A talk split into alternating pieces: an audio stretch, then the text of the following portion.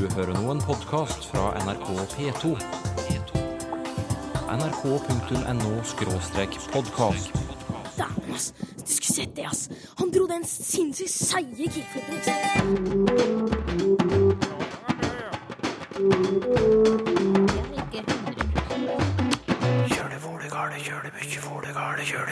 Musiker aksjonerer for bokstaven X, mener den hører hjemme i saksofon. Vi lærer på skolen at alfabetet har 29 bokstaver. X er en av de, og da er det rart at man skal unngå å bruke denne bokstaven, syns jeg. Og forfatter gir oss lyden av Norge, ei dialektbok med lyd. Det her tenker jeg er en, en super idé. Ikke sant? Å snike dialektene dialekten og dialektlæra inn i de norske hjem igjen. da.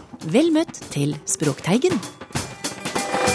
Det er ikke dagligdags at det drives underskriftskampanjer for å få endra norsk rettskriving, men en slik aksjon er nå i gang.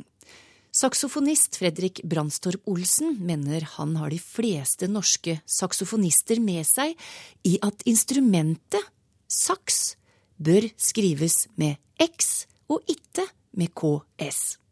Men han får ikke mye gehør hos Språkrådet. De møtes her i studio om litt, først til hovedpersonen og hans instrument. Hva hadde jazz og storband vært uten? Eller danseband og skolekorps? I det hele tatt, hva hadde musikkens verden i dag vært uten?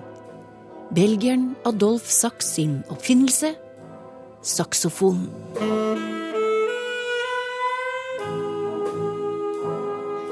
Betydelig fattigere, kan vi vel slå fast. Instrumentet som første gang ble eksponert for hele verden under verdensutstillingen i Paris i 1855. Patentet var tatt ut ni år tidligere, og oppfinnelsen gjort enda noen år før det. Men altså, hva ville musikken vært uten oppfinnelsen til Adolf Sachs? Sachs skrevet med X.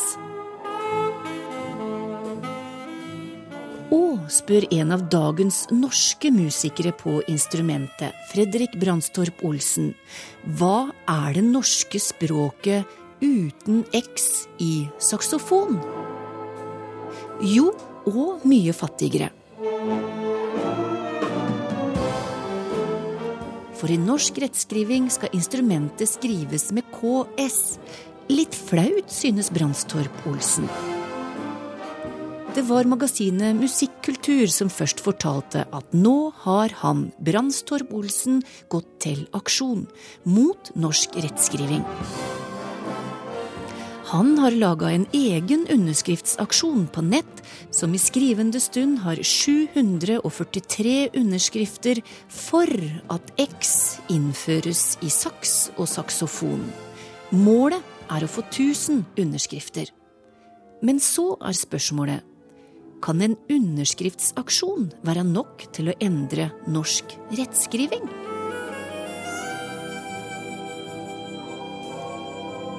Ja, det blir spørsmålet til slutt. Men først, Fredrik Brandstorp Olsen, hvorfor et slikt engasjement for en X? Det er egentlig sånn at uh, oss saksofonister vi skriver det alltid med X.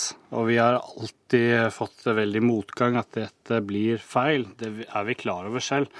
Men uh, vi insisterer på å skrive det med X allikevel. Særlig oss som er i saksofonister og komponister og sånn, da. Men hvorfor er det så viktig for deg som saksofonist om det ordet skrives med X eller KS? Lyden er jo den samme. Lyden er det samme, men eh, et familienavn som man tenker er veldig viktig for oppfinnelsen av saksofon. Så saksofon betyr saks sin lyd, eh, er det som eh, gjør forskjellen. Når vi har blitt Det har ikke så mye å si, men litt mobbet egentlig av våre frender i Sverige, Danmark og Island, for de skriver det med X. Men vi får ikke lov. Det er ikke noe moro å bli mobba? Det er ikke noe moro å bli mobba. Det kan alle skrive under på. Sturle Berg Olsen, du er seniorrådgiver i Språkrådet. Det er det ikke for mye å be om det? Å skrive saks med X i stedet for KS? Ja, nei, det går jo an å be. Vi er jo veldig eh, glade for at det er engasjement rundt reskrivingssaker. Men hva sier du til da?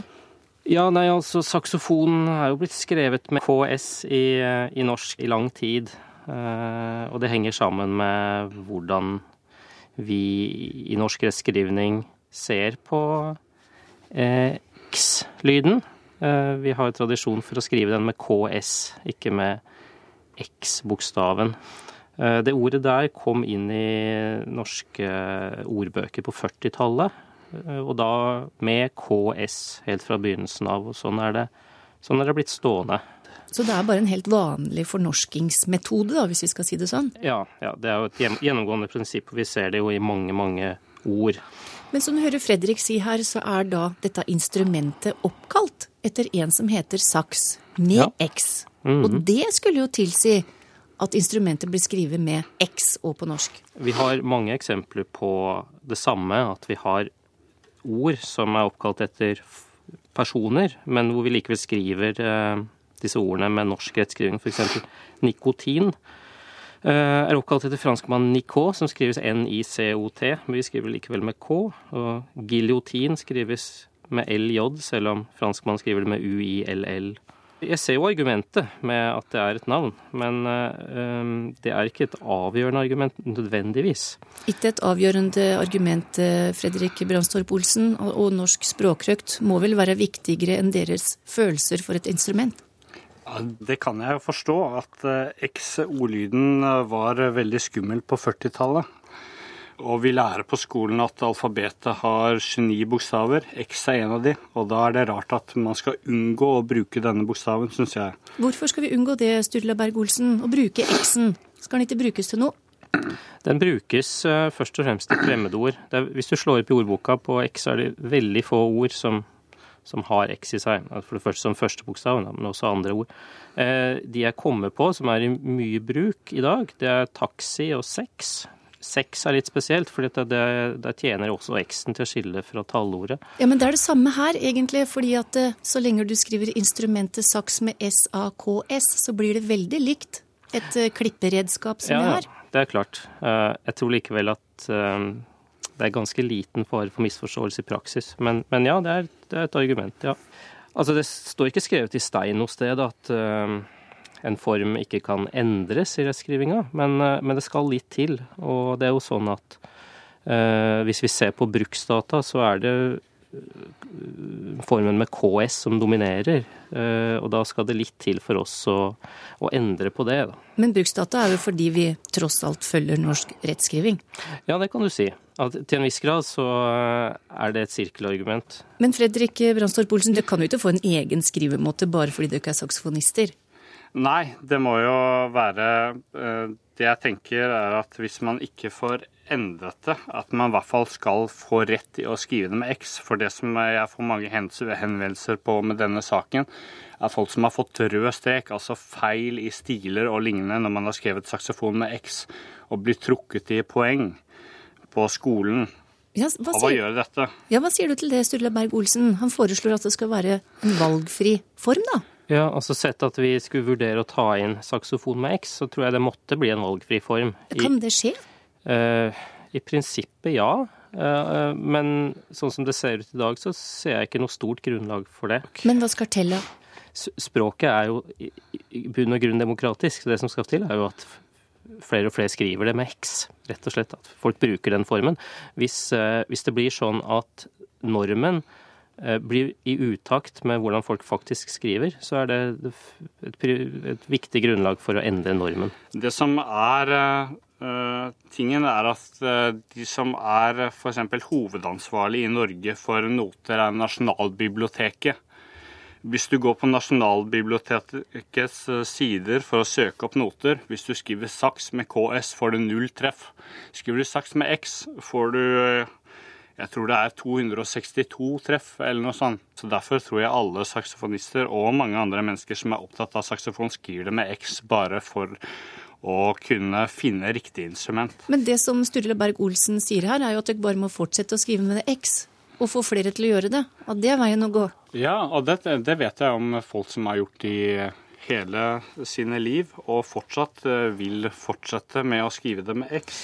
Du Har du noe å si, Sturla Berg Olsen, hvor mange underskrifter du får fra Fredrik Brandstorp Olsen? Ja, la oss si at det blir 100 000 underskrifter eller noe sånt, så er det jo vanskelig å se bort ifra det.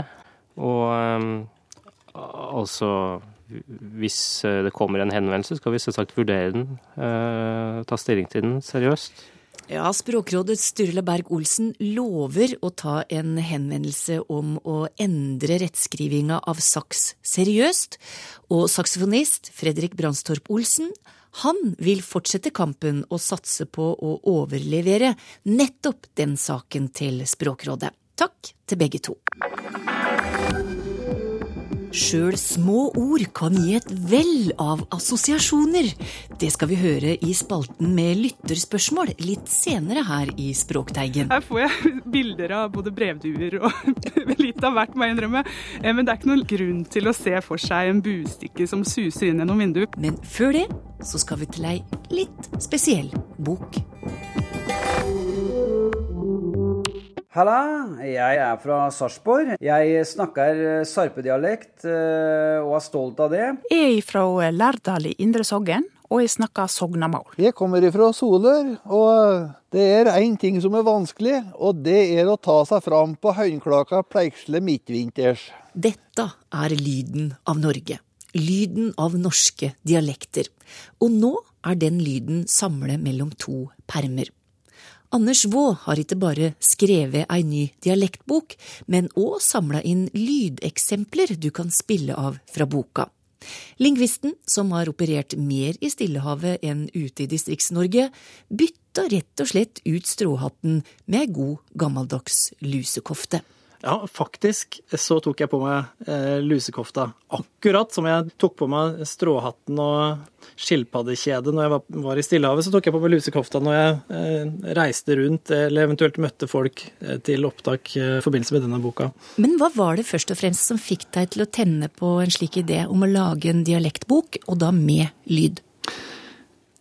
Jeg syns det var en, en, genial idé, rett og slett. Eh, på, på skolen så var jo Altså, jeg mener norskfaget, dialekter, det var litt treigt. Og jeg snakker jo fortsatt med, med folk som uh, mer nylig enn meg gikk ut av videregående, som knapt kan huske at de hadde noe særlig om dialekter. Det der varierer sikkert litt. Men, men så, så, det her tenker jeg er en, en super idé. Å snike uh, dialekten og dialektlæra inn i de norske hjem igjen. da.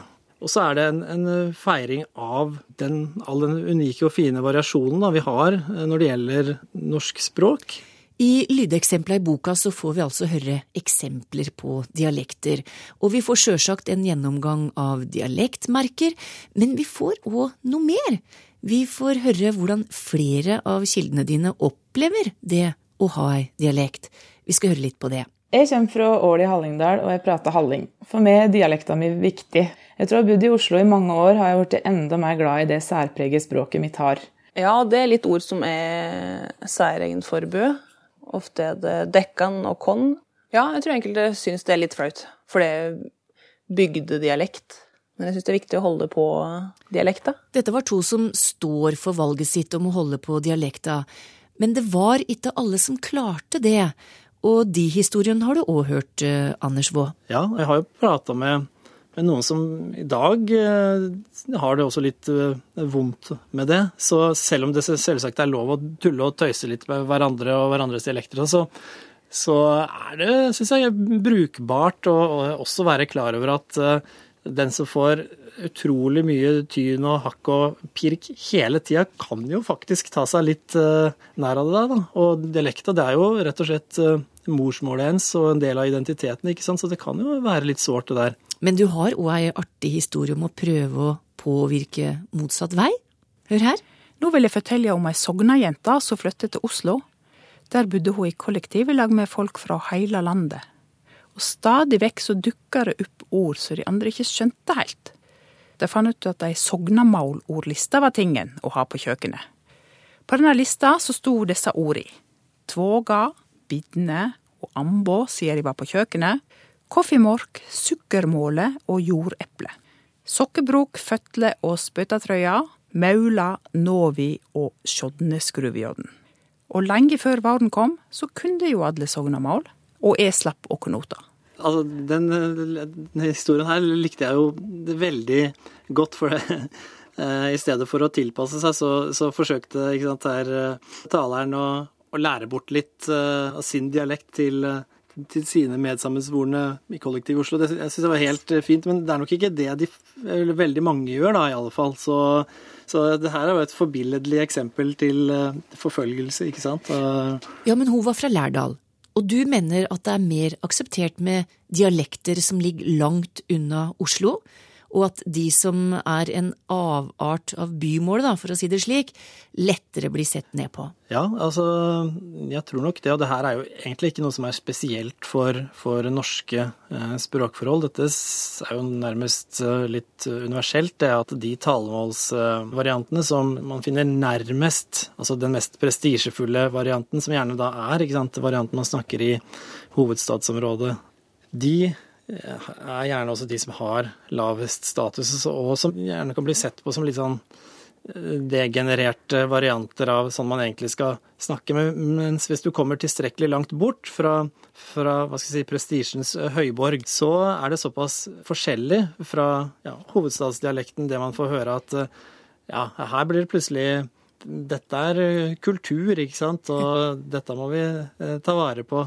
Kom på videregående. Da begynte jeg å interessere meg for alt som heter motkulturer, og alt som var annerledes. Jeg begynte å interessere meg for folkemusikk, jeg var veldig interessert i historie, og jeg begynte også å interessere meg for dialekten min. Og egentlig alltid vært fornøyd med å ha en dialekt, spesielt i Oslo. Um, selv om jeg av og til føler meg litt som sånn prøvekanin når folk har kommet bort og 'Å, Guri, du snakker dialekt, og så interessant, kan du si det en gang til?'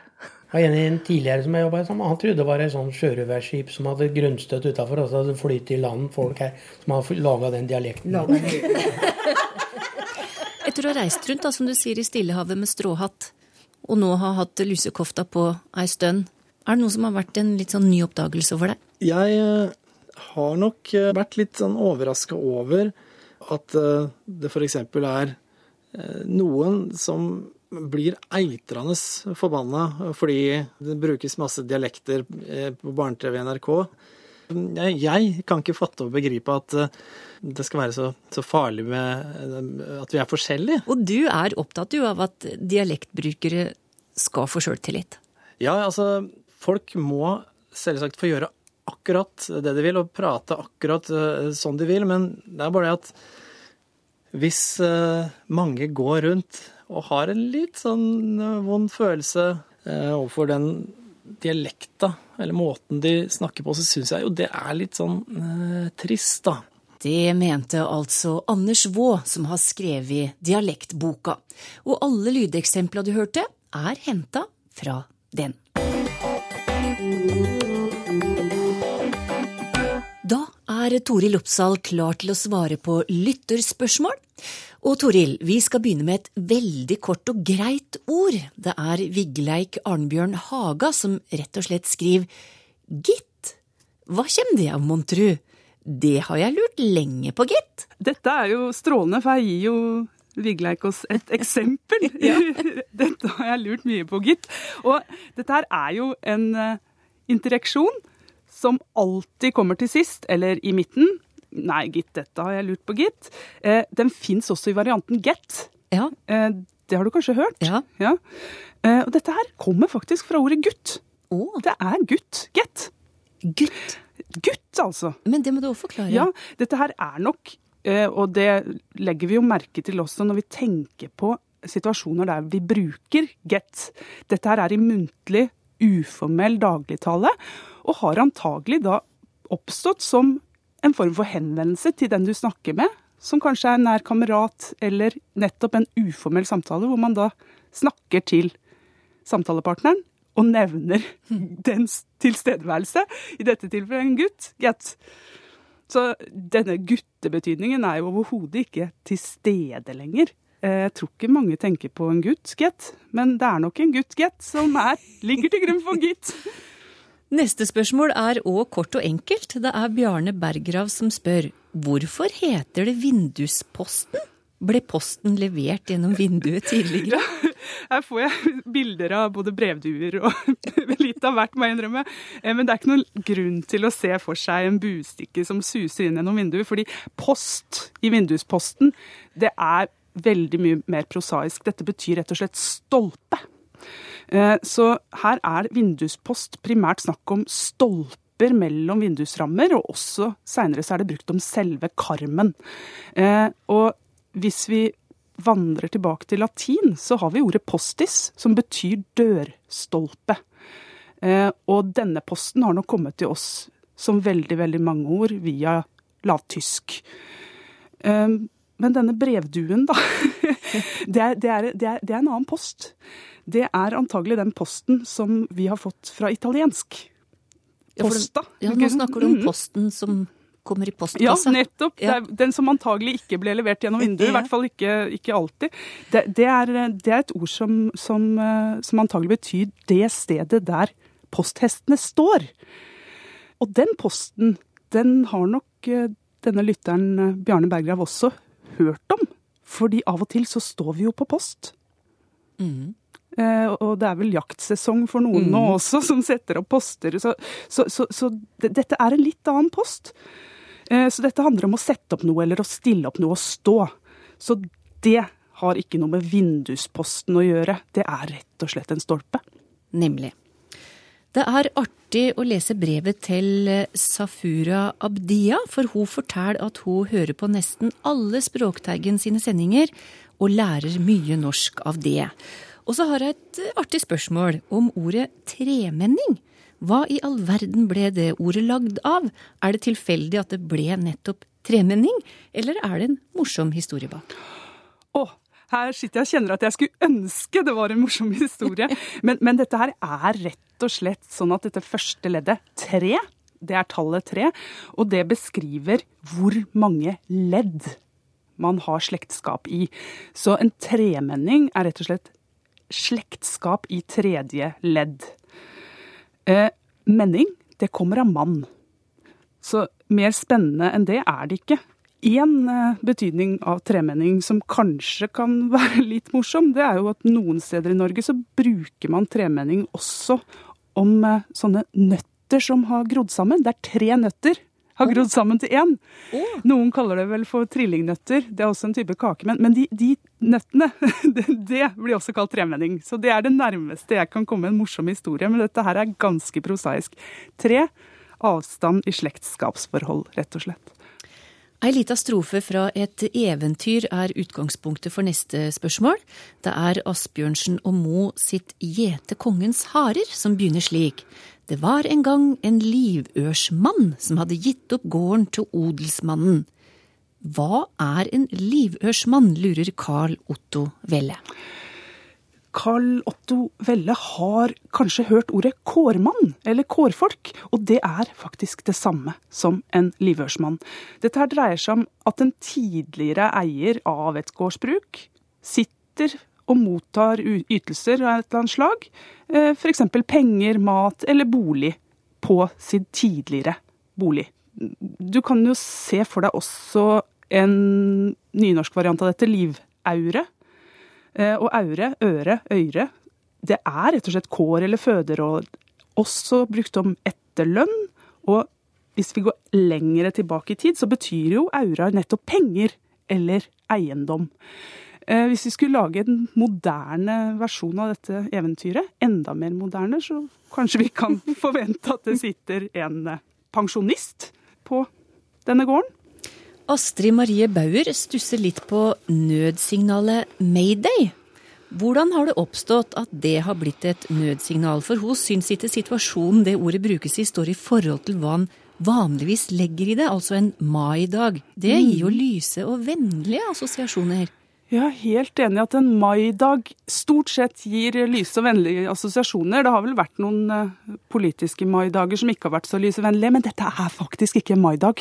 Eh, Jeg skjønner godt at lytteren eh, får de assosiasjonene, men dette er rett og slett en gjengivelse av engelsk uttale av et fransk uttrykk.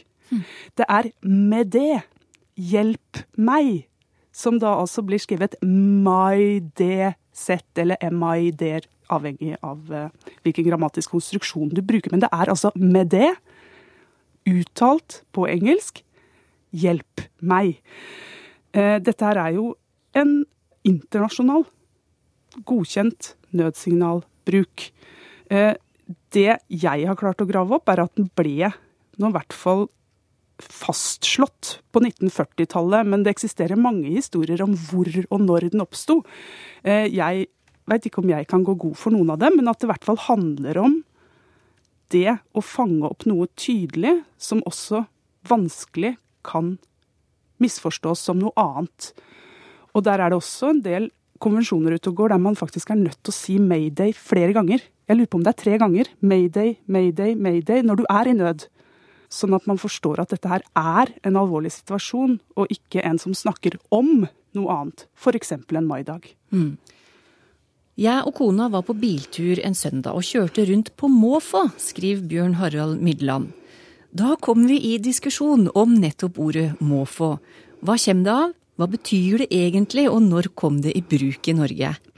Eh, dette her har vært i bruk veldig, veldig lenge, og vi finner det beskrevet i eldre tekster, vi finner det i eldre oppslagsverker, og det er ordene må og få, og må her i betydningen kan.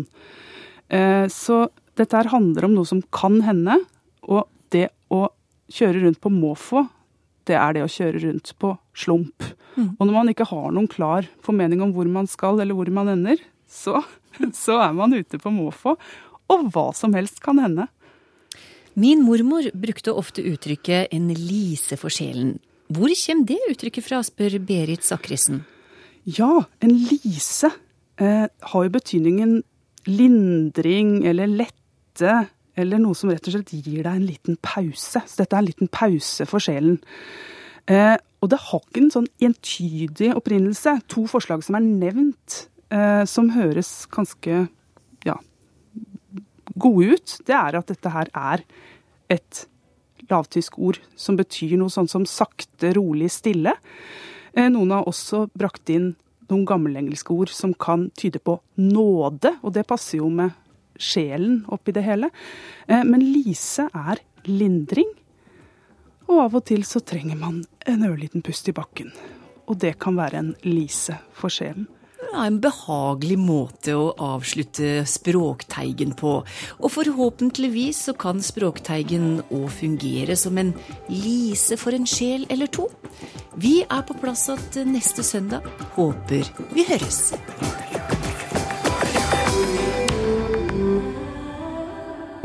nrk.no podkast.